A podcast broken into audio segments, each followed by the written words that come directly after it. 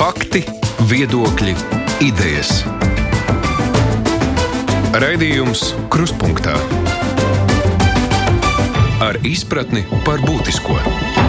Studijā Mārija Ansone mēdz sacīt, ka viesībās nav pieklājīgi runāt par reliģiju un politiku. Mūsu sabiedrībā ar vienu parādās temati, kas mēdz novērst līdz pamatīgām kaislībām, vai tās būtu Rīgas domas vēlēšanas, vai arī robežu noteikšana, kur sākas un beidzas vārdarbība. Vai, protams, sarunāties un dzirdēt. Tas būs viens no šodienas krustpunktā sarunas tematiem. Mūsu studijā ir saruna festivāla lampa direktora un fonda dots izpildu direktora Ieva Morica. Labdien! Labdien! Es pieminēju politiku kā vienu no mūžīgiem mūžīgiem strīdu sāboliem Rīgas domas vēlēšanas tā ir politika. Tomēr ļoti maz cilvēku aizgāja, mazāk nekā vēlēšanās pirms tam. Jums ir versija, kāpēc? Nu, šeit vajadzētu droši vien padziļināt pētījumus, bet ja mēs skatāmies uz datiem un analizējam tīri cipars, paskatāmies, jā, 2017. gada vēlēšanās piedalījās 250 tūkstoši rīdzinieku Latvijas pilsoņu, šogad tie bija 171 tūkstotis, kur tad tie 80 tūkstoši Latvijas pilsoņu vēlētāji, kas neaizgāja uz vēlēšanām. Nu, faktiski, ja mēs skatāmies uz datiem, tad droši vien diezgan pamatot var spriest, ka tie ir tomēr bijuši tie vēlētāji, kas iepriekšējās vēlēšanās balsoja par saskaņu un gods kalpot Rīgai par šo apvienoto sarakstu. Nu, tā tā acīm redzot, tā ir bijusi liela daļa vēlētāju, um, kas nav aizgājuši uz šīm vēlēšanām.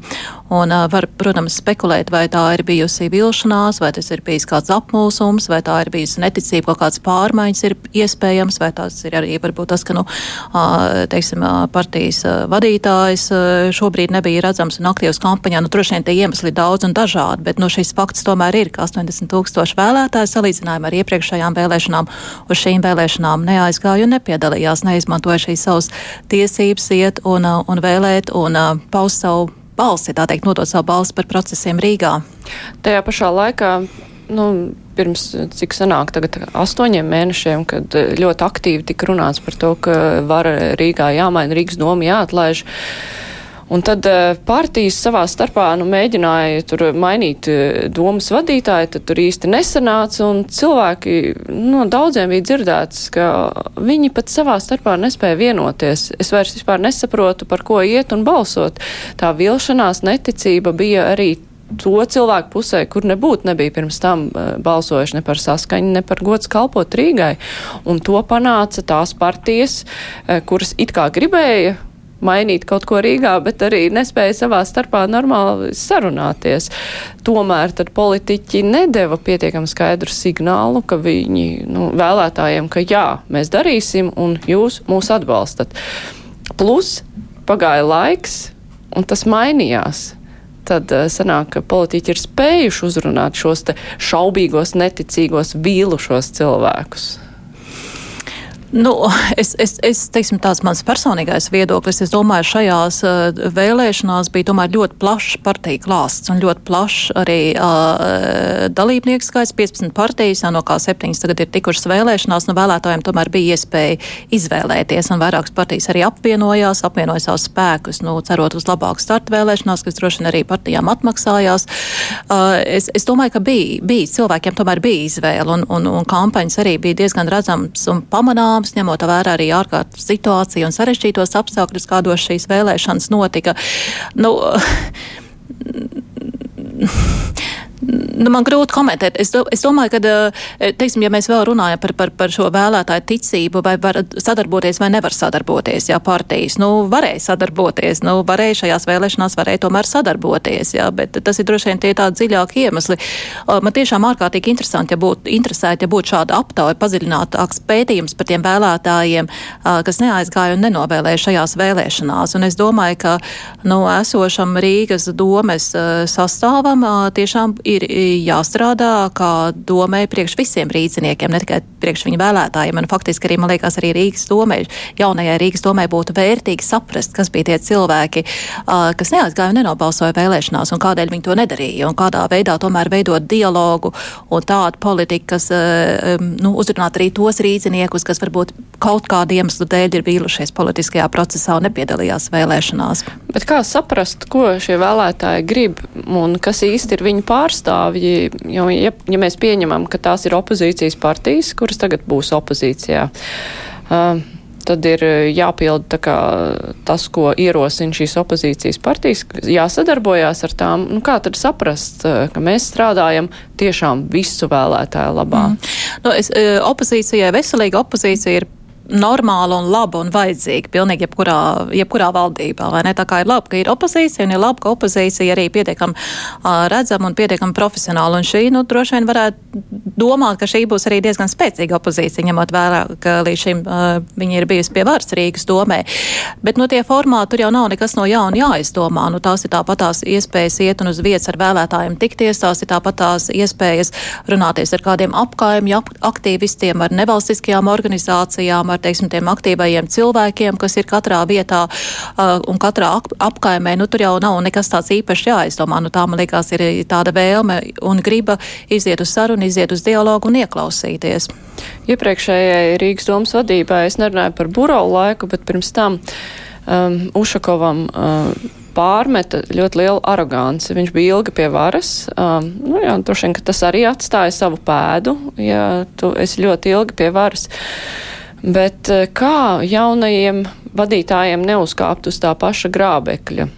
Sākumā varbūt eh, atsaucība ir, bet, nu, sākt neieklausīties, iet kā buldozeram, pieņemt lēmumus, eh, nu, jā, tā kā savās interesēs nevienmēr skaidri parādot, kam tas īsti ir izdevīgi, nu, kā neuzkāpt uz tā grābekļa. Nu, tāpēc ir vēlēšanas, vai ne? Man liekas, tomēr ir šie, šie leģitīmie, e, šie demokrātiskie procesi, kādā veidā cilvēkiem neļauj ļoti ilgi palikt pie varas. Tādēļ ir vēlēšanas, kur tomēr politiķi arī nāk un mainās. Uh, bet, uh, nu, nu, dialogu jau var uzturēt, un dialogu jau var uzturēt, bet, es, protams, dialogā un saruna vešanā process ir daudz lēnāks, un pie rezultāta nonāk lēnāk. Un ir, es saprotu, ka politiķiem var būt kārdinājums izdarīt lietas ātrāk, vai ne tīpaši tajā ierobežotajā laikā, kas viņiem ir atvēlēts lēmumu pieņemšanai, bet, nu, tomēr uh, nedrīkstētu šīs ātri un efektīvi vēlmes vārdā uh, atteikties no, no, no, teiksim, no, pilsoņu, no dialoga ar pilsoņiem un no tomēr viedokļu izsvēršanās un no konsultēšanās. Tas ir mazliet lēnāk, bet tas tomēr rada šo konsensusu lielāku un rada to sajūtu, ka vairāk cilvēki pieņem uh, un atbalsta pieņem to lēmumu, ja notikuši šī konsultēšanās. Tā jaunā koalīcija, nu, ja sanāks tas, par ko tagad partijas runā, viss šīs četras partijas, nu, būs diezgan nu, tādā vērtības ziņā raiba, jo vienā galā ir nacionāli konservatīvas partijas, kurām ir ļoti svarīgas nu, tas, ko tās mēdz saukt par tradicionālajām vērtībām, un kuras ir bieži vien eh, pretrunā. Eh, to mēs ļoti labi redzam sociālajos tīklos, kad cilvēki sāk savā starpā diskutēt šo pašu partiju pārstāv pretrunā ar tā otrā spektra, kur ir ļoti liberāls idejas un progresīvie, kas ir pat vēl, nu, iziet eh, laukā no tā rāmi, ko vispār pašreizējai, nu, kas pašreizējai valdībai ir, ja mēs runājam par partiju spektru. Tas raibums, tas ir pluss vai tas ir mīnus? Nu, tā ir mūsu izvēle, tā ir bijusi Rīgas iedzīvotāja izvēle, un, un faktiski šī uh, ko, nu, Rīgas domas sasaukums un koalīcija atspoguļos to, kā rīznieki šobrīd domā. Nu, mēs laikam diezgan raibi esam savos uzskatos, bet es domāju, ka te ir plus, ka šīs sarunas notiks tomēr klātienē, un tās sarunas, kas notiek sociālajos tīkļu, tīklos, tās tomēr ir tādas, nu, savā ziņā ļoti noslēgtā un ļoti ierobežojošā cilvēku vidē. Un uh, es domāju, ka, uh, nu, nosacīt, tos sauc par sociālajiem burbuļiem, burbuļiem. Ja tās sarunas un tā informācijas apmaiņa, kas ir vienā kaut kādā konkrētajā sociālajā burbulī, sociālajos tīklos, iespējams, reālajā dzīvē tā nemaz tik eh, nu, spilgti neizpaustos. Ja? Un, un, un faktiski es domāju, ka tad, kad šie politiķi sēdīsies pie viena galda, nu, viņiem būs jāatrod šie konkrētie risinājumi konkrētajām problēmām. Nu, es domāju, šis klātienes efekts un klātienes darbs un klātienes eh, būšana tomēr varbūt mazliet mīkstinās tos ārkārtīgi krasos uzstādījumus, kas cilvēkiem ir nu, tādā sociālo tīklu komunikācijā izveidojusies. Bet domāju, ir eh, daudz jaunu deputātu. Eh, starp citu, var vilkt paralēls ar saimu. Saimā arī tika ievēlēti daudz jaunu deputātu. Un, Nu, tas arī saimnes darbā bija jūtams, ka ir ļoti liela deksme kaut ko darīt, un nevienmēr ir uh, zināšanas, nu, kā tam rutīnas darbam, kā tas ir jādara. Un tagad uh, Rīgas doma var saskarties ar to pašu, ar tādām ļoti kaismīgām idejām, bet uh, Nu, varbūt, ja cilvēki vēl nezina, kā to realizēt, vai vecie viltīgie nevarēs viņus aptīt ap pirkstu gal, galā. Nu, es domāju, ka te ir pietiekami, nu, pietiekami normāls uh, balans arī būs koalīcijā. Ja, piemēram, jaunā vienotība, kas jau ir, ir bijusi domē un dažādās domas struktūrās, nu labi bija opozīcijā, bet nu, ar zinām pašvaldības darba pieredzi. Ja, es domāju, arī šī kombinācija starp cilvēkiem, kas ir bijuši ilgāku laiku politikā un kas no jauna politikā, nu, es, es gribētu cerēt, ka uh, spēs uh, atrast uh, vai ne šo, um, nu, teiksim, pieredzējušākie spēs nodot savu zināšanas, tīri profesionālās zināšanas jaunākajiem un kaismīgākajiem politiķiem nu, tā, tā vajadzētu tam būt. Katrā ziņā mums pirms brīvā mikrofona bija cilvēki, kas zvanīja un izteica lielu cerību jā, un prieku par vēlēšanu rezultātu, nu, ka tiešām Rīgā tā kaut kas mainīsies. Bet eh, šodien pirmā ziņa, gandrīz eh, pirmā ziņa no rīta bija par to, ka Mars, eh, bijušajā velotrekā Mars, tur tiek zāģēti koki. Pirms vēlēšanām par to bija ļoti daudz, par to tik ļoti daudz runāts un bija politiķi, kas teica, to nedrīkst pieļaut, un eh, mēs esam par zaļāku Rīgu, un um, kaislības bija milzīgas, un tas, ka tas notiek, eh, šī koku zaļiešana, nu, tieši uzreiz pēc vēlēšanām, daudziem ir šķits ļoti aizdomīgi. Vai jūs pati vairāk sliecaties runāt, domāt par to, ka tā ir sakritība vai viltīgs plāns sāk tikai tagad, jo droši vien, ka tāda koku zāģēšana pirms vēlēšanām tā būtu varena akcija, varbūt pat kādas partijas interesēs. Mm. Nu, ir jāsaka tā, ka es neesmu vispār konspirācijas teorija piekritēja, ja, un ja, ja cilvēki tur parasti saka, nu tas bija kāds viltīgs plāns, es uz to ļoti lielām aizdomām skatos, nebūtam konspirācijas teorija piekritēja. Es, es, nu, es, es liecos domāt, un tas tiešām ir mans viedoklis, jo man nav datu par to, ka tā ir vienkārši neveiksmīgi, iespējams neveiksmīgi izvēlēta diena. Nu, var uzdot jautājumu, vai tā bija veiksmīgi pārdomāta diena ka tiešām pirmdienā pēc Rīgas eh, domas vēlēšanām šie darbi sākās. Nu, ir diezgan skaidrs, ka vienā brīdī tiem bija jāsākās, bet vai šodien bija tā labākā diena, kad to sākt? Un arī, protams, ir saprotams to cilvēku sašutums, kas tagad aicina vai ne, nu, iet un, un, un pauž skaļi savu viedokli. Tā mana vēlme ir un tiešām no sirds vēlme, ka pret tiem aktīvistiem, pret tiem cilvēkiem, kas iet un, un protestē un arī piedalās tagad akcijās, ka pret viņiem netiek izvērsts, teiksim, kaut kāds represijas vai vai, vai, vai krimināla procesa, vai administratīvie procesi, vai tādas lietas. Es domāju, nu, ir jāsaprot, ka tes, tas ir bijis tāds sasāpējies jautājums ilgu, ilgu, ilgu laiku. Un ir bijuši aktīvisti, kas ir ļoti aktīvi par to savu viedokli arī pauduši. Un es domāju, nu, tas teiksim, nedrīkst pieļaut demokrātiskā valstī, ka pret šādiem cilvēkiem nu, būtu tāds nejauks represijas. Nu, to gan mēs nedrīkstam pieļaut. Bet sociālajos tīklos jau tiek vilkts paralēls ar Baltkrieviju. Tas nav pārspīlēti. Nu, nu, es domāju, tas sirds asiņo par to, kas notiek Baltkrievijā, vai ne? Un es, es domāju, mēs noniecinātu, noniecinātu Baltkrievu tautu un Baltkrievu tiešām pilsoniskās sabiedrības eh, cīņu un drosmi, ja mēs eh, mūsu lietas, mūsu problēmas šobrīd salīdzinātu ar Baltkrievu problēmām. Ja? Un, un patiesībā, nu, mēs jau varam arī Rīgas domas vēlēšanas sakrā ļoti daudz cilvēku jau vilk šo paralēli, ja? Eh, runājot par zemo vēlētāju aktivitāti Rīgā, sakot, nu, savā ziņā pārmetotiem cilvēkiem, kas negāja vēlēt Rīgā, ja pārmetot un paskatieties, kā mūsu kaimiņi Baltkrievi, kā viņi tagad cieš par to, ka viņiem, ne, viņi cīnās par šīm brīvajām vēlēšanām un par cilvēku tiesībām paust savu viedokli un izvēlēties savus pārvaldītājus, jā, viņiem šīs tiesības ir liektas. Tā kā, nu, ar Baltkrieviju es godīgi sakot uzmanītos salīdzināt, jo tiešām man liekas, eh, nu, tur, tur es negribu noniecināt Baltkrievu tautas un Baltkrievu, Baltkrievu teiksim, pilsoniskās sabiedrības uh, milzīgo cīņu, kuriem viņi tagad cauri iet, lai, lai uh, noteiktu to nākotni, kādā Baltkrievu cilvēki dzīvos. Nu, tas, es, es uzmanītos, godīgi sakot, ar salīdzinājumiem. Jā. Bet, ja mēs raugāmies uz šo stāstu par velotreku Mars, tur no vienas puses jā, tā. Nu, tur ir vēsture šai vietai, kur uh, gan šī velotreka, nu, velospēdisti kādreiz jau sen atpakaļ cīnījās par šo vietu, bet, nu, nevarēja sakārtot un nevarēja tikt pie šīs vietas, un tad, nu, galu galā uh, ir nolēmts, ka tur būs valsts drošības dienas ēka. Cilvēki par to nezināja, uzzināja nejauši gandrīz, vai, jo tas bija valsts noslēpums. Bet uh, nu, lēmums par to, ka tur tiks celta šī ēka, jau ir pieņemts sen. nauda ir iztērēta projektam, kurš ir gan sarežģīts, lai ielikt tajā konkrētajā vietā. Un, nu, Un cilvēki arī dalās tādās divās frontēs. Viena saprot, jā, dienestam ir nepieciešama ēka, otri ir neapmierināti ar to, ka tagad viena no retajām zaļajām vietām, kas atrodas teikā, ka tur tagad izcirtīs kokus.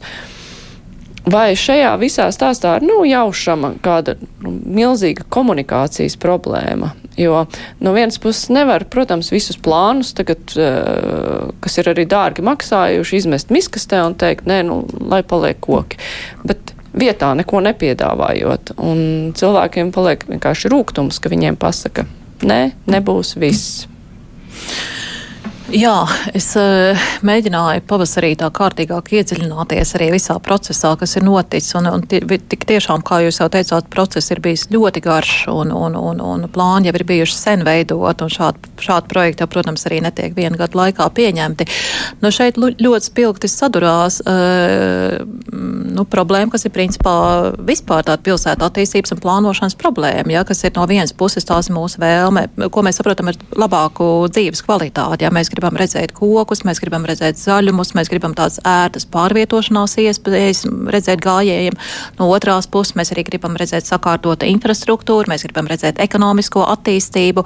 Nu, tas ir faktiski par interešu un vēlmju sabalansēšanu, kas kurā brīdī tiek augstāk nolikts. Un tagad, ja mēs esam sasnieguši tomēr nu, tādā virsamies tādā Ziemeļa Eiropas, man liekas, arī tajā vērtību um, virzienā, kur šīs zaļās vides cilvēkiem, tīpaši pilsētā, tiek turēts ļoti augstā vērtē, un tādēļ arī ir pilnīgi saprotams rīznieka sašutums nu, par katru koku, kas eh, vai nevarētu tikt nocirsts, vai par katru zemo, zemes eh, pleķīti vai zālājiņu, kas varētu tikt apliets ar asfaltu un aizbūvēts. Tā kā es faktiski tiešām saprotu, jo tur jau tajā rajonā tur jau tiešām ir maz zaļumu. Nu, var, protams, eh, vaicāt, kādēļ arī kaut kādu jauno projektu attīstītāju tur ne, nepaturēja kāds zaļāks skvēriņš un zaļāks laukums. Es domāju, tas, tas nav tā kā ļoti, ļoti, nu, viennozīmīgi skatāms jautājums. Tur ir ļoti daudz jautājumu, bet nu, fakts ir kā tāds, ka tur ir maz tā zaļuma tajā teiks eh, tieši um, rajonā jaunajā teikā un arī visā brīvības ielā ap vefu. Nu, brauc pa brīvības ielu un tur ir tramvajs un tur ir ēkas un tur ir putekļi. Nu, saprotam, cilvēku vēlme pēc kaut kāda, pēc kaut kāda zaļuma.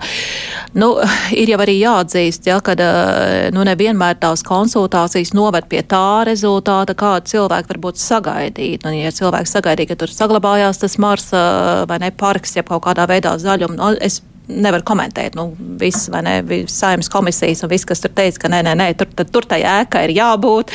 Un tur ir grūti, grūti teiksim, tādam nu, vienkāršam pilsonim iebilst un pret to kaut kādā veidā apstrīdēt. Bet, nu, ir, bet tas ir ļoti, ļoti spēcīgs signāls, ka rīznieki grib rīznieku dzīves kvalitātei šīs zaļās zonas, koki, skvēriņi, kaut kāds zaļums, kur atveldzēt acis un iziet ar bērnu ratiņiem vai pašiem uz soliņu piesaist, ir ļoti, ļoti svarīgs.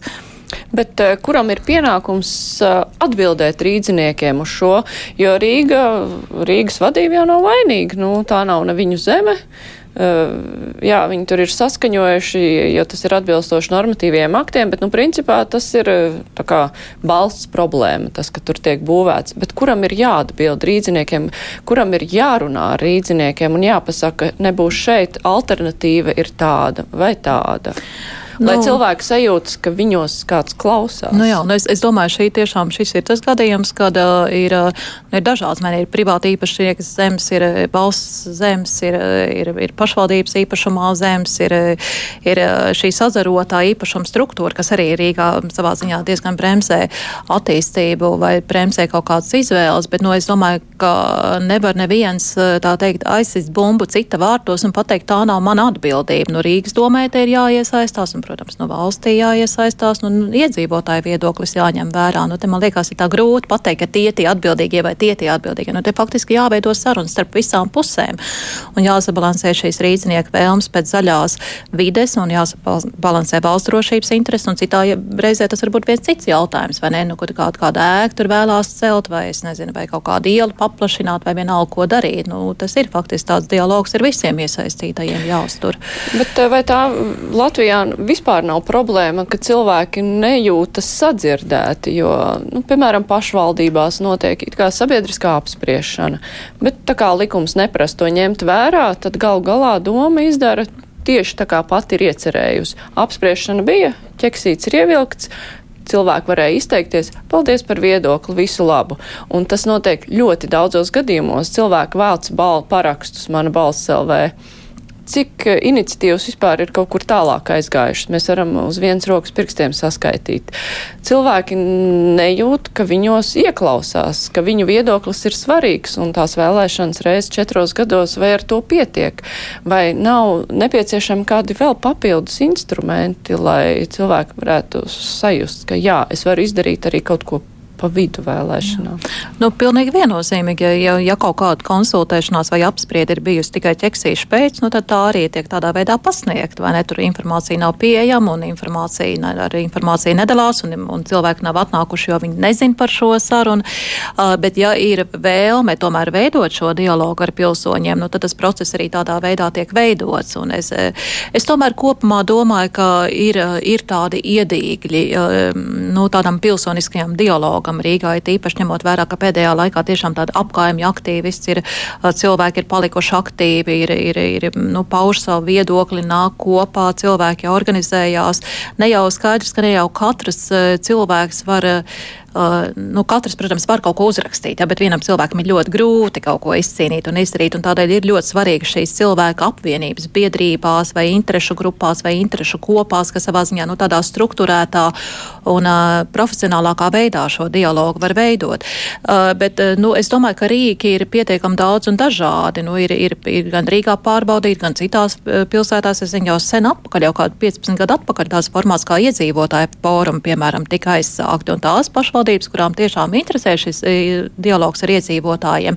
Nu, ir daudz un dažādi rīki, kādā veidā var sazināties, gan es nezinu, gan e, kaut vai savus mājaslapas pielāgojot vai ne, un uzklausot tos jautājumus, ko cilvēki raksta, gan arī saucot cilvēkus klātienē uz kādām prāta vētrām. Un, un tagad arī, nu, teiksim, tāds, tāds, tāds, tāds formāts ir. Um, Gdaņskā, piemēram, Polijā un, un, un, un zinu, arī citās valstīs tāda līdzdalības budžeti, jā, kur cilvēki tiek vairāk iesaistīti un konsultēti tieši pašvaldības budžeta veidošanas procesos. Es domāju, ka rīki ir daudz un metodas ir daudz pieejams. Tas ir vairāk vēlme tās metodas izmantot, apzinoties to, ka lēmuma process, lēmuma pieņemšanas process ir lēnāks.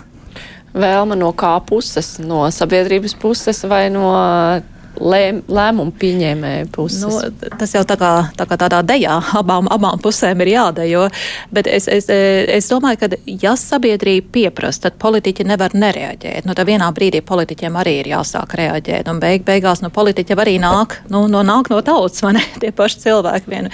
Bet ar vien viņi aizmirst, ir. ja ilgi darbojas varā, tad uh, bieži vien piemirstās. Nu, tādēļ ir, ir vēlēšanas, tādēļ ir vēlēšanas. Katram ik pa brīdim jāpareflektē, vai man ievēlēs atkal.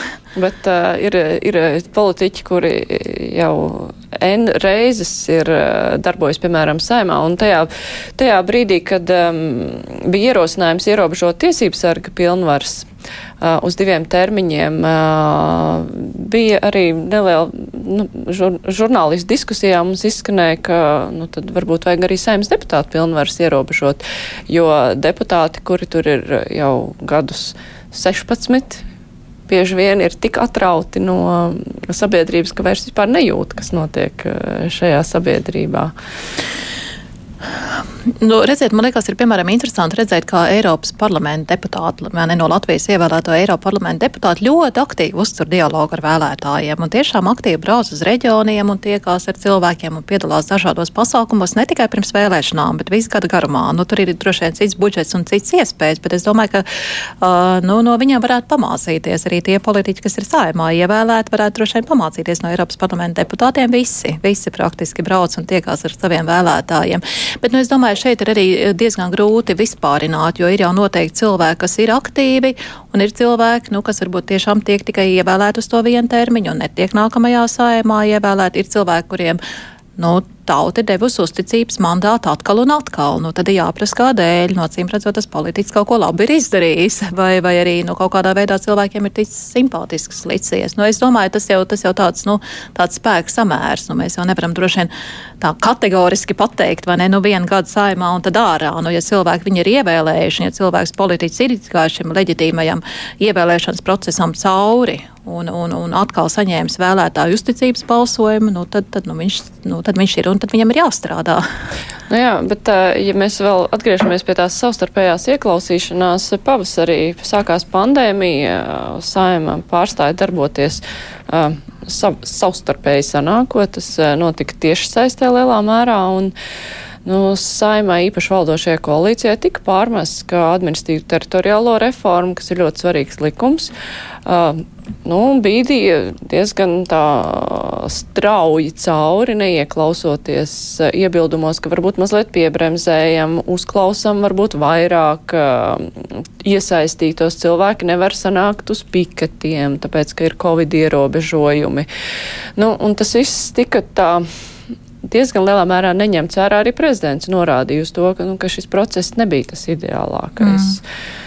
Vai saimai nevajadzētu tomēr vairāk padomāt eh, par.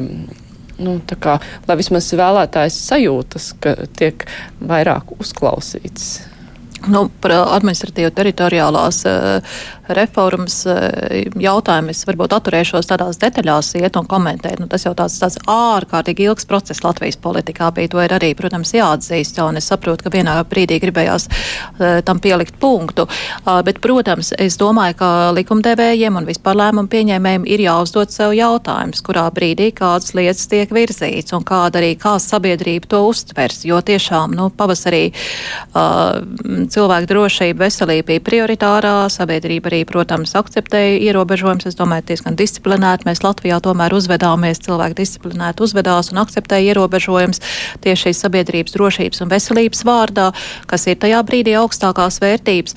Uh, bet tad ir, uh, nu, tad, protams, arī nedrīkst šo cilvēku uzticību savā ziņā nu, nodot un kompromitēt. Nu, es par administratīvo teritoriālo reformu es tiešām neizteikšos, vai tas bija pareizais brīdis, kad, kad to virzīt vai nē, jo var saprast, ka gribējās vienā brīdī pabeigt un pielikt punktu. Bet tas ir viens jautājums, ko nu, likumdevējiem ir jā, jāuzdod sev, jāpareflektē par to, vai uh, man dotais mandāts ļauj šobrīd, ja mudina mani šobrīd kaut ko konkrēti darīt. Un, un pilnīgi viennozīmīgi ir arī jāsaprot, kādā veidā šī saziņa ar cilvēkiem var notikt, uh, nu, pieņemsim, pandēmijas apstākļos, kur jūs pilnīgi pareizi pateicāt cilvēkiem pie, biedrošanās brīvību uz ielām, ja pulcēšanās uz brīvību uz ielām bija savā ziņā liekta. Un es, tas ir man tās jautājums, nu, vai tomēr nevarēja ļaut, vai ne ar, ar distanci, ar izretināšanos, un varbūt cilvēki būtu tomēr varējuši iet uz ielām un paust savu viedokli maskās. Jā, nu, un, kā mēs redzam, tur jau pāris akcijas arī bija mājā, nu, kur cilvēki ļoti disciplinēti faktiski uzvedās. Tā kā tas, tas ir, protams, jautājums, bet nu, ir arī tajā, tagad jau mēs arī gudri esam, jā, tagad ir vieglāk to vērtēt, bet, protams, arī jāatcerās to visu noskaņu, kas bija aprīlī un martā, nu tāda milzīga neskaidrība par epidēmijas vai ne apmēriem, kā, kā būs sabiedrības veselību, ko mēs varam un drīkstam un no kā vajadzētu atturēties, nu bija milzīgs neskaidrības laiks, un tagad mums ir vieglāk pat, paskatīties atpakaļ, nu tomēr varbūt varēja būt bišķi brīvāk vai liberālāk, nu tagad ir viegli to teikt, jā, tajā brīdī jau mēs tā nejutāmies mēs droši vien. Jā, līdz šim mēs vairāk runājām par varas un sabiedrības spēju savstarpēji sazināties, sarunāties un e, tapt sadzirdētiem. Tad e, gribētu runāt arī par e, sabiedrības e, spēju arī nu, kaut kā tikt galā ar ļoti dažādiem viedokļiem. Es tikai atgādināšu klausītājiem un Latvijas televīzijas skatītājiem, ka šodien mūsu studijā ir saruna festivāla lampa direktora un fonda dots izpildirektore Ieva Morica. Raidījums Krustpunktā. Ja viens no spilgtajiem piemēriem, eh, kur, kas parāda, ka sabiedrības dažādas daļas um, spēj nu, pamatīgi sastrīdēties par kaut ko, un uh, ir grūti sarunāties, un uh, tās sarunas reiz aiziet uh, ļoti kaut kādās tādos nesaprotamos uh, attiecību līmeņos, tas ir uh, bruknes gadījums.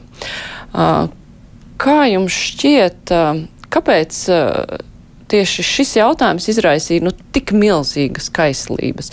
Jo viedokļi, kas izskan, ir, nu, pirmkārt, ir ļoti radikāli, katrs savā pusē, un nav sajūta, ka viena puse vispār uztver, ko saka otra puse. Un tieši arī tāpat arī, ja mēs paskatāmies otrādi. Nu, kādēļ, kādēļ tik radikāli? Ja mums ir iespējas par to, ka ir ļoti radikāla diskusija šobrīd, nu, droši vien tādēļ, ka izskat, izsakās vairāk tie cilvēki, kuriem ir skaidri noformulēts viedoklis, vai ne, nu, kur uzskata, ka, ka, teiksim, nu, nu, ka nedrīkst vainot bruknu un visu to bruknes kopienu par to, ka viņi ir strādā ar, ar faktiski tiem cilvēkiem, ar kuriem cits sabiedrībā nestrādā, vai ne, un ka viņi tomēr dara daudz, un ka viņi viņi ir jāatbalsta, viņiem jāpalīdz, un otra sabiedrības daļa, kas uzskata, nu ne ar tādām metodēm, ne ar tādiem veidiem, un uh, ne tā, kā tas tur notiek. Ja. Tā kā iespējams, ka mēs dzirdam tiešām šos uh, no abām pusēm tos cilvēkus, kuriem ir tāda dziļāka pārliecība par to, kā lietas tur notiek, bet šis ir tiešām ārkārtīgi, ārkārtīgs sāpīgs un sarežģīts un komplicēts jautājums, jo tas ir, tas ir jautājums faktiski par, no savā ziņā par mūsu sabiedrības neaizsargātāko daļu. Jā, tur var uzdot ļoti daudz jautājumus, nu, ka mēs kā sabiedrība faktiski nespējam parūpēties par cilvēkiem, kuriem ir vai nu atkarības, vai nu kaut kādas psiholoģiska rakstura problēmas, un ka faktiski viņi paliek uh, uz, uz nu, tā, tās sabiedriskās organizēšanās pleciem, varbūt ne valstiskā līmenī tiek risināta, vai ne tas arī savā ziņā pa visu, pa visu sistēmu, nu, kāda, kādā ģimenē, kādam bērnam ir eh, laimējies vai nelaimējies piedzimt, un cik nu viņam ir spē spēcīga vai ne tā sistēma apkārt, kas viņam var palīdzēt vai nepalīdzēt. Nu, uh, es nu, droši vien tur ir jāļauj mazliet norimt kaislībām, un šī saruna ir jāturpina, jo tā saruna ir par sistēmiskām lietām, tā saruna ir par sistēmiskām problēmām, un tās jau nekur nepazudīs, kaut arī cilvēki izskandalēsies un izkašķēsies par šo vienu konkrēto gadījumu, jā, bet, nu, bet, eh, bet eh, nu, mums ir, faktiski mums kā sabiedrībai ir jāspēj parūpēties par eh, mūsu arī mazaizsargātajiem sabiedrības locekļiem. Um, šajā situācijā ir runa par vardarbību. Cilvēks strīdas par to, kas ir vai nav vardarbība. Um, iepriekš, uh, kur arī bija stāsts uh, savā ziņā par vardarbību, bija Kristīnas Misānas gadījums. Uh, protams, ka tur ir pilnīgi cita opera, uh, bet uh, tur arī. Mm, nu, ir runa par sievietes tiesībām, par to, ka iespējams viņa nonāks cietumā, par to, ka iespējams, ka viņas uh, bijušais vīrs ir bijis vardarbīgs. Nu, vienmēr sakot, sieviete un vardarbība. Tā kā runājam par Stambuls konvenciju, kas arī skar vardarbību ģimenē, arī tad ir ļoti, ļoti radikāli šie te pretējie viedokļi. Vardarbība tas ir temats, par kuru ir tik grūti sarunāties. Un kāpēc? Nu, es domāju, ka šeit ir ļoti daudzi pieņēmumi, teiksim, attiecībā uz Stambuls konvenciju un attiecībā uz tām diskusijām sabiedrībā ratificēt vai neratificēt Latvijai Stambuls konvenciju. Es domāju, ka tas strīds abos faktiski ir pieņēmumi, kas notiks tādu un kādā veidā mūsu sabiedrība varētu mainīties, ja to konvenciju ratificētu. Un tur ir pieņēmumi, manuprāt, ka tas kaut kādā veidā varētu negatīvi mūsu sabiedrību ietekmēt. Nu, teiksim, Misāns kundzes gadījumā tur jau arī tāds, tāds, tāds vēl tāds konkrēts konkrēta cilvēka dzīves stāsts, vai ne? Un tur jau vēl un vēl varētu šķetināt. Mēs arī vēl varētu, nu, teiksim, Misāns Kundas gadījumā varētu teikt, nu, kā mēs jūtamies, vai ne, par to, ka mūsu pilsoni, Latvijas pilsoni, Eiropas Savienības pilsoni izdot tiesāt vai ne vienai, vienai, uh, nu, ja izcies tur vai ne sodu uh, ārpus Eiropas Savienības. Tur ļoti, ļoti, ļoti daudz momentu, es domāju, kas lika cilvēkiem tādā personīgā veidā aizsvilties. Bet, nu, šeit ir droši vien eh, jautājums par uh, nu, par, par faktiski par tādu vai nu tādu stingrāku roku vai tādu liberālāku pieeju nu, ģimenes modeļiem un attiecībām un cilvēks starp cilvēkiem un bērnu audzināšanu. Nu, te laikam ir tādas dziļas cilvēku pārliecības, eh, kas, kas, kas, kas ir eh, atšķirīgas, un kur cilvēkiem eh, nu, mums nav tāds, tāds vienots priekšstats, kā būtu pareizi bērnu audzināt, kā būtu pareizi ģimene attiecības veidot. Nu, tie laikam cilvēkiem ir tādi mazliet daži savādāk priekšstati. Vai par lietām, kur ir šie ļoti dažādie priekšstati, ir iespējama normāla diskusija? Jūs, piemēram, lampā taisītu diskusiju par šādiem vardarbības jautājumiem, aicinot pretēji uzskata cilvēks? Nu, mēs uh, mudinām, mēs tiešām mudinām lampā. Es varbūt viens solīt atkāpšos. Uh, lampas programma top liela kopēja darba rezultātā. Tas ir uh, šogad tie ir vai 200 pār pa 240 rīkotājiem, kas rīko lampā pasākumus. Tās ir tiešām daudz dažādas organizācijas un cilvēki.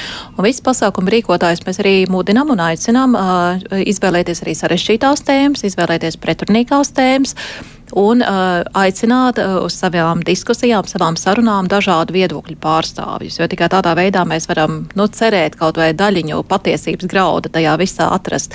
Un ir jāsaka, ka mēs ļoti pateicīgi esam tām organizācijām, kas tiešām arī spēja tādas smagas temats uh, pacelt uh, lampā un uh, uzaicināt dažādu viedokļu cilvēkus, un arī, ka šie cilvēki piekrīt. Jo vienmēr jau ir skaidrs, ka varbūt arī zināms nērtības moments, ja, nu, ja cilvēks zina, ka, teiksim, viedoklis ir vairākumam šāds, un tad ir varbūt nērti un mazliet bailīgi paust to savu savādāko viedokli.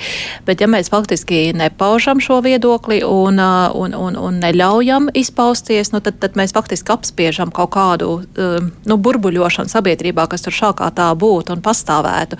Un tādēļ mēs tiešām arī mudinām lampā rīkot diskusijas par dažādām tēmām. Nu, ja mēs tā kā runājam par šīm konkrētajām diskusijām, tad ir ļoti, ļoti daudz atkarīgs arī no moderatora, ļoti, ļoti daudz arī atkarīgs no publikas, jo publika jau arī tas, kas vai nē, vai, vai nu, varat savā ziņā tur savu sašutumu paust vai izrādīt, ja viņiem kaut kāda lieta nepatīk, ko runātājs ir pateicis, bet es domāju, beig, beigās jau nevienmēr mums ir jāpiekrīt un nevienmēr mēs varam nonākt pie kaut kāda kopsaucē, bet kas ir svarīgi, mums ir svarīgi saprast, kādēļ cilvēkam ir šāds viedoklis, un tas iespējams nāk viņa kaut kādā personīgajā pieredzē bāzēts vai balstīts, vai kaut kādos dzīves apstākļos, vai, vai profesionālajā darbā. Nu, cilvēkiem ir kaut kāda iemesla dēļ izveidojies viedoklis, un es domāju, ka tas, ko mēs varam darīt, mēs varam uzklausīt šo viedokli, un mēs varam mēģināt saprast, kādēļ tāds viedoklis ir. Un es domāju, tas jau ir miljons, jebkuras, jebkuras problēmas risinājumam vienkārši saprast, ka var būt dažādi viedokļi kādēļ tādi viedokļi veidojās, nu, tad mēs skatāmies tālāk, vai, vai mēs varam to kaut daļiņu no tā viedokļa pieņemt sev, jeb nu, mēs arī paliekam pie savām domām. Bet es domāju, uzklausīšana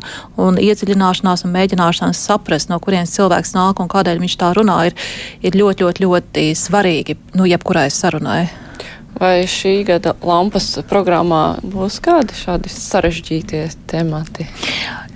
Nu, šī gada lampas programma, es, es faktiski domāju, lai arī lampā šogad ir mazliet, nu nevis mazliet mazāk, mazāk pasākumu nekā bija pagājušajā gadā. Pagājušajā gadā bija 450 pasākumu, šogad ir 243 pasākumu lampā. Tātad, nu, varētu teikt, uz uh, pusi mazāk. Bet es domāju, ka kvalitāte pasākumiem ir ļoti augsta. Tiešām uh, ļoti svarīgas, ļoti vērtīgas diskusijas, tā izskaitā arī par pretrunīgajiem jautājumiem un par sarežģītajiem jautājumiem. Nu, piemēram, Nu, ja mēs tagad eh, runājam nezinu, par tādām sarežģītām tēmām, nu, piemēram, abortu tēma tiks lampā skatīta, vai ne? Vai sarežģītais jautājums arī uh, nu, lomu sadalījums ģimenē, ja tēvi, mātes, kādā veidā visi mēs tiekam galā ar, ar, ar, ar saviem ģimenes pienākumiem, vai arī par pašnāvībām, vai par to, kā runāties ar cilvēkiem sērās. Nu, nevienmēr šie visi jautājumi ir pretrunīgie, bet, teiksim, arī daudzi tādi smagi jautājumi lampā tiks apskatīti, un es esmu ārkārtīgi nu, priecīgi, un mēs tiešām esam ļoti, ļoti, ļoti pateicīgi visiem pasākumu rīkotājiem, kas, kas šos tēmas ir pieteikuši un ir gatavi par tiem veidot sarunu. Nu, tā tādā, tādā individuālā līmenī un arī tādā valstiskā līmenī uh, tiks apskatīta demokrātija, tiesiskums, ilgspējīga attīstība, nodokļu politika, zaļās investīcijas. Nu, es domāju, tas jautājumu spektrs un nozīmīgums, kas lampā tiek apskatīts, ir ļoti liels, svarīgs un labs. Covid ir ieviesis korekcijas, kā lampa izpaudīsies šogad. Jā, nu, mēs arī, mēs arī, mums arī uh, lampas dzīve arī apgriezās kājām gaisā šī gada pavasarī, ja mēs uh, vēl kaut kad janvārī plānojam, kādu nu, mēs Cēs pils parkā šogad jūnijā dzīvosimies. Nu, bija, martā bija pilnīgi skaidrs, ka Jūnijā Cēspils parkā nevarēsim sanākt tādā skaitā, kā mēs līdz šim to bijām pieraduši darīt, un tādēļ lampa arī šogad mainīja formātu, un ir iznākusi tāda interesanta kombinācija starp klātieni un attālināto formātu. Tātad lampa sāksies tūlīt pat 2. septembrī, no 2. līdz 5. septembrim. Un to varēs piedzīvot uh, trijos veidos. Uh, pirmkārt, pilnīgi viss pasākums būs skatām tiešsaistē, uh, cilvēku internetā vai, vai lampas mājaslapā pamatā, bet arī dažādos ziņu portālos, mēdījos, dažādās vietnēs, sociālajos tīklos varēja sekot līdz pilnīgi, pilnīgi visām lāmas diskusijām. Uh, 116 pasākumi no lāmas, visa pasākuma klāsta būs atvērta apmeklējumam klātienē. Uh, Nacionālajā bibliotekā Splendid Palace pie Svetbankas būs ārā skatuvi uzcelta piekdienas sestdienas cēsu koncerta zāle, sestdienā 5. septembrī arī Gors koncerta zāle Gors. Bet nu kaut kādi tādi Covid ierobežojumi taču tāpat būs protams, spēkā, jo mums jādistancējas ir joprojām. Protams, protams, gan cilvēku skaits tiks limitēts un cilvēkiem ir mājas lapā, kad viņi skatās, kādu pasākumu ir tiešām jāapskatās, vai pasākumiem ir nepieciešama iepriekšēja reģistrācija, vai drīkstēs nākt rindas kārtībā, ierobežot cilvēku skaits. Protams, jādistancējās, protams, tiem cilvēkiem, kuriem ir kādas augstēšanās pazīmes, mēs sirsnīgi aicinām nenākt, tomēr nu, neapdraudot sevi un neapdraudot citus. Mēs arī aicinām cilvēkus Covid aplikāciju lejuplādēt. Mēs arī uz vietas šajos pasākumos, kur būs nu, brīvs apmeklējums, arī lūgsim cilvēkiem atstāt savus datus vārdu, uzvārdu un e-pastu, lai SPKC, ja nu gadījumā vajadzēs ar viņiem varētu sazināties.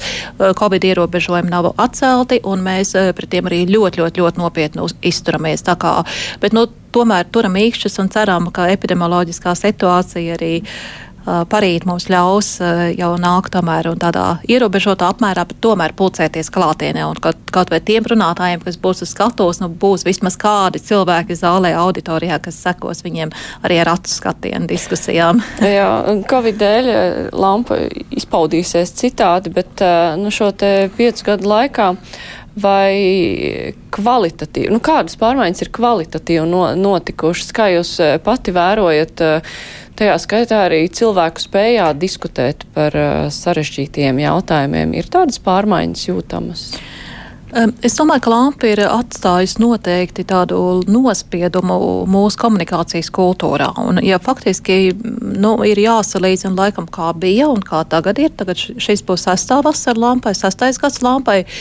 Ja, pirms sešiem gadiem, kad mēs cilvēkus aicinājām piedalīties nu, Lampā un tādā sarunu festivālā, tas vispār tas formāts bija ārkārtīgi nesaprotams. Nu, kāpēc, lai par kaut kādām uh, profesionālām vai nopietnām tēmām tagad diskutēta plašāka sabiedrība? Jā? Man liekas, tas vairāk tagad nav jautājums. Mēs redzam, ka tādi nu, mazie tādi festivāli, jeb sarunu uh, formāti faktiski kļūst par diezgan lielu ikdienu. Gan, teiksim, pilsētas svētkos, gan, gan jauniešu rīkotās lietas, gan gan arī uh, pašvaldības uh, dara. Nu, es domāju, saruna kā formāts ir uh, palicis daudz plašāks ar dažādām iesaistītajām pusēm. Es domāju, tam ir arī kāds lampas nospiedums bijis. Lampa to ir iespējams veicinājusi un mudinājusi. Otrā lieta, mm, es domāju, ka lampa ir palīdzējusi arī radīt nu, tādu neitrālāku un atvērtāku platformu sarunai par sociālpolitiskajām tēpām un sarunām ar politiķiem. Nu, man liekas, ka pirms lampas iespējams uh,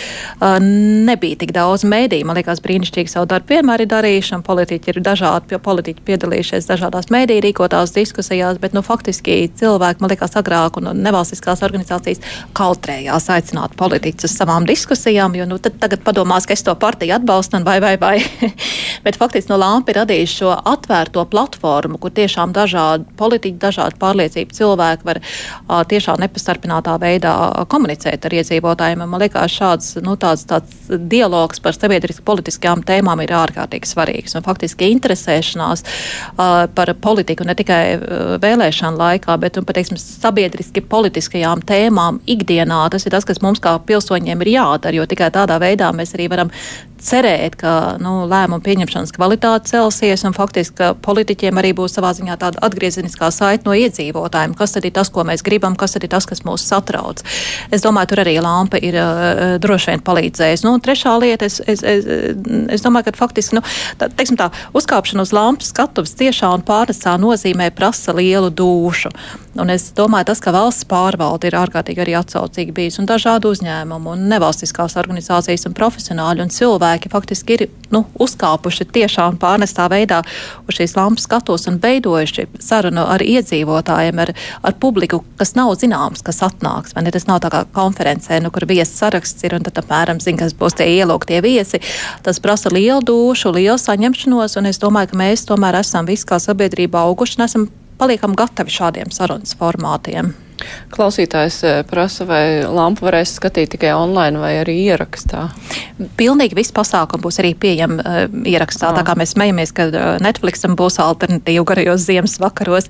Es, ja es vēl drīkstu vienu lietiņu piebilst par to, kā šogad lampu varēs piedzīvot, uh, ir arī tāda um, kustība. Mēs esam aizsākuši kopā skatīšanās vietas, kur apmēram 80 vietas šobrīd Latvijā ir pieteikušas uh, kā kopā skatīšanos, kur faktiski nu, mazākā lokā, bet ir, ir dators, ir, ir, ir, ir skaņa aparatūra, kur cilvēki varēs sanākt un skatīties uh, vai informācijas centri, vai bibliotekas, vai uh, kafejnīciņas kādas, vai draugu lokā cilvēki. Tā kā, nu, tādām, tādās mazās kompānijās uh, šāda skaties lampu kopā kustība arī ir aizgājusi. Mēs ļoti priecīgi par to esam. Jā, bet nereti ir teikts, ka nu, lampa tas tāds sorosītu sajiets. Tur iet sorosīti un tad uh, apmainās ar savām sorosītu idejām. Uh, nu, tas ir acīm redzot saistīts, tāpēc, ka lampa organizē fonds dots, kas ir eh, Soros fonda Latvija pēctecis. Um, tā kā jūs dzirdat apzīmējumu Sorosīts, um, kādas asociācijas jums uh, raisās? Kas tas tāds ir? Mūs arī radio bieži vien tā apsaukā. Es laikam vēl neesmu atradusi to definīciju, ko gluži nozīmē sorocīts. Nu, man tas laikam izraisa smaidu. Es, es īpaši nesatraucos par to, un uh, citreiz es domāju, nu kādēļ tad man nenosauc par sorocītu, kur varēja nosaukt par sorocītu. par, to, par to mēs tiešām nesatraucamies. Uh, bet jā, fonds atvērtai sabiedrībai dots. Mēs esam tas pats uh, Soros fonds Latvija. Mēs mainījām nosaukumu pirms astoņiem gadiem. Mums nācās mainīt nosaukumu. Bet faktiski mēs. Uh, jo? Uh, uh, tajā laikā, uh, respektīvi, mainījās arī mūsu identitāte, jo šie atvērtās sabiedrības fondi visā Eiropā faktiski bija tādas nu, organizācijas, kas piešķīra grantus un piešķīra finansējumu. Un tad jau kādu desmit gadu atpakaļ Džordžs Soros nolēma pārprofilēt savu darbību uz citiem pasaules reģioniem un sniegt lielāku finansiālo atbalstu Āfrikai, Dienvidaustrumāzijai, Latīņamerikai. Un tiem, nu, jo likās, ka Eiropā tā, tā teikt, pilsoniskās sabiedrības ir pietiekami spēcīgas.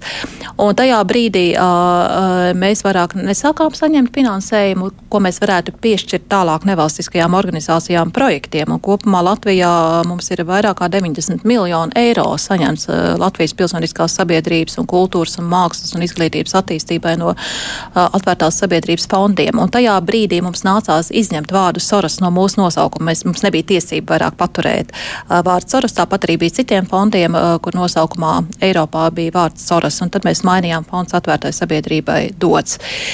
Bet mēs katrā ziņā ļoti, nu, teiksim, es tā, es ar, ar lielu lepnumu domāju, es varu runāt par tām vērtībām, nu, kas ir atvērtās sabiedrības vērtības, un tās man pašai personīgi un mums fondam ir ļoti svarīgas, nu, kas ir faktiski tāda, um, nu, apzināšanās, ka nav tāda viena patiesība, ka tomēr ir jāveido dialogi, ir jāveido diskusija, ir jāsaprot, kas ir visi tie apsvērumi un dažādi apstākļi, kā cilvēki mēs varam sadzīvot kopā, kas ir cieņa pret cilvēku, kas ir arī mazākumtauti, mazākuma tiesību ievērošana. Nu, tās ir visas tās vērtības, kas ir, teiksim, atvērtās filozofijas pamatā. Bet, ja mēs runājam konkrēti par lampu, par sarunu festivālu lampu, nu, lampa ir finansējums nāk no dažādiem avotiem, apmēram 60 dažādiem avotiem. Un, ja, teiksim, pagājušajā gadā sarunu festivāla lampa klātienē Cēsīs apmeklēja 23 tūkstoši iedzīvotāji. Es domāju, nu par viedokļu dažādību un par uzskatu dažādību mēs noteikti nevaram, eh, par tās trūkumu mēs nevaram sūdzēties. Es domāju, nu lampa tomēr ir tāds, tāds ļoti, ļoti, ļoti, ļoti plašs Latvijas sabiedrības kopēja darba rezultāts. Un faktiski lampa atspoguļo to, kas mēs šobrīd esam Latvijā, kas mūs satrauc, kas mūs interesē, ko mēs labu varam izdarīt, nu to arī lampa parāda. Bet no iepriekš teiktā es pareizi sapratu, ka Sorosa nauda Latvijā vairs neienāk. Mums ir šādu un tad kaut kāda neliela grānta, mēs joprojām saņemam arī esošajam uh, festivālam. Mums ir neliels finansējums no atvērtās sabiedrības fondiem, uh, bet, uh, nu, teiksim, centrālā un austruma Eiropa vairāk nav gluži atvērtās sabiedrības fondu prioritāro, teiksim, valstu sarakstā, nu, finansējuma ziņā tieši. Mm -hmm. uh, Džordžs Šoros ir ļoti pretrunīga vērtā, vērtēta personība un e, īpaši saistībā ar e, nu, viņa finansiālo darbību, uh, ierosinātajām lietām par uh, tirgus svārstībām, Britu ekonomiku, kas ir cietusi no viņa. Un, uh, Amerikā ir arī ļoti, nu, tādi, ļoti nu, tādi radikāli viedokļi. Viņš ir saukts par visļaunāko cilvēku pasaulē, kas grauj Ameriku un tās vērtības. Bet jūs pati esat iedziļinājusies viņa darbībā un kaut kā formulējusi nu, tad, savu attieksmi pret šo viņa pretrunīgi vērtēto darbību. Ne tikai nu, labajiem darbiem, bet arī to, nu, kā viņš ir ticis pie naudas, piemēram. Nu, tur ir jālasa viņa biogrāfijas, un es tiešām negribētu runāt viņa vārdā. Es tagad negribētu pateikt, kādēļ viņš ir vienu vai otru lēmumu pieņēmis un kaut ko vienu vai otru darījis. Bet teiksim, tas, kādā veidā ir eh, strādājuši šie Soros fondi, un par to gan mēs varam runāt. Un tā vienmēr ir bijusi vietējā valde, kas ir pieņēmusi lēmumus par fonda stratēģiju, par fonda darbības jomām, par fonda prioritārajiem darbības virzieniem. Un faktiski vietējā valde, kas jau nu, tagad fonds ir 90. 93. un 92. gadā dibināts. Ļoti interesanti, daudzi dažādi cienījami cilvēki bijuši, un, un teiksim, tas, ar kas ar Soros fonda finansējumu ir Latvijā izdarīts, ir, ir milzīgi daudz ārkārtīgi vērtīgu lietu. Nu, piemēram, 90. gadu sākumā grāmatas sērija Cilvēks un sabiedrība tika tulkot. Un tie nebija tikai liberālo autoru darbi, tie bija arī konservatīvie filozofi, kas tika tulkoti. Ja? Vai latviešu valodas apgūst programmas, vai interneta nodrošinājums bibliotekām un izglītības, milzīgs atbalsts izglītības reformām un skolām. Tā kā tie cilvēki, kas ir pulcējušies ap Soros fondu Latviju, viņiem ir bijušas noteikts vērtības svarīgas, kas ir atvērtās sabiedrības vērtības, bet tas nekad nav bijis tā, ka nu, Čorčs Soros mums kaut kādā veidā liktu darīt tā vai darīt šitādi. Nu, viņš pats, protams, ir ļoti pretrunīgi vērtēta personība un, un cilvēks ar, ar, ar nu, lielu, bagātu mūžu un tādu spilgtu dzīves stāstu. Un viņš pats ir daudz izstāstījis un daudz par to ir presē arī runājis, kādēļ, kāda viņa filozofija ir bijusi un kādēļ viņš nodarbojas, ar ko viņš ir nodarbojies. Nu, viņa ģimene ir cietusi gan no uh, nacisma, gan no komunisma režīma, un faktiski no šī viņa filantropijas darbība ir bijusi vērsta nu, viņai tāda pārliecības stiprināšanai. Bet, nu, protams, es varu arī saprast, ka cilvēkiem ir grūti nodalīt šo viņa nu, ne, uzņēmēju, jeb finanšu investora darbību no viņa filantropijas. Nu, jā, darbības. jo no vienas puses filantrops, no otras puses ir cilvēki, kas ir cietuši viņa finansiālās darbības rezultātā. Un jautājums tad, kurš ir svarīgāks cilvēks, tas, kurš pēc tam gūst eh, labumu, vai tas cilvēks, kurš ir zaudējis? Es, es saprotu, par ko jūs runājat, jo te droši vien vairāk eh, jautājums vai ne par to, kas notika ar Anglijas mārciņu vai ne, un kādā veidā arī uh, cilvēki varbūt uztvēra šīs viņa finanšu spekulācijas. Uh, nu, ko es par to varu teikt? Es varu teikt, ka Latvijā Sorosam nekāds uzņēmumu interesi vai teiksim, uzņēmējdarbības interesi nav bijušas, mēs faktiski esam nu, tie, kas ir saņēmuši, saņēmuši šo viņa finansējumu un uh, uh, izdarījuši labas lietas ar to naudu. Mm. Katrā ziņā nu, šis jautājums, jā, kur īsti patiesībā dara painteresēties un vairāk palasīt, jo nu, es pieļauju, ka daudz cilvēku arī savus vērtējumus sniedz nezinot, kas tur ir apakšā un nelasot un neinteresējoties, jo tas ir tāds ļoti populārs sauklis. Viņš ļoti daudz arī rakstījis grāmatas, es nezinu, Latvijas, ka laikam tas nav tik daudz tulkots, bet, nu, es zinu, ka uh, studenti, kas studē finanses un, un bankzinības un investīcijas, nu, tad viņi lasa viņa literatūru, kur viņš ir stāstījis par šo savu pieeju un filozofiju arī investīcijām un kādā veidā viņš faktiski ir prognozējis kaut kādas lietas un kādēļ viņš kaut kur naudu ir ieguldījis vai nē. Tā kā es domāju, no tiem, tiem, tiem studentiem, kas eh, domā, kā pelnīt naudu, droši vien viņa grāmatas viņi lasa. mm. Varbūt arī kādreiz lampā kāda diskusija par šo tematu, bet nu, ne šogad, jo šā gada programma jau ir skaidra un kā jau tika teikts, to varēs visu arī skatīties ierakstā. Tā kā ļoti labi nevajadzēs noteiktā laikā būt tieši saistē. Es teikšu paldies. Šodien mūsu studijā bija fonda dots izpildu direktori un sarunu festivāla lampa direktori Jau Morica.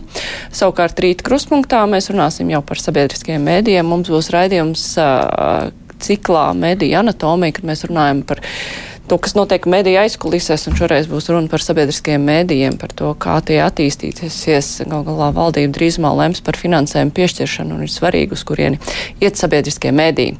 Raidījums ar to arī izskan, to producēja Evi Junāma, studijā bija Mārija Ansona. Vislabāk!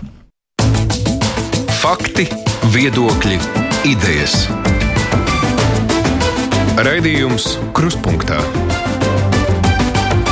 ar izpratni par būtisko.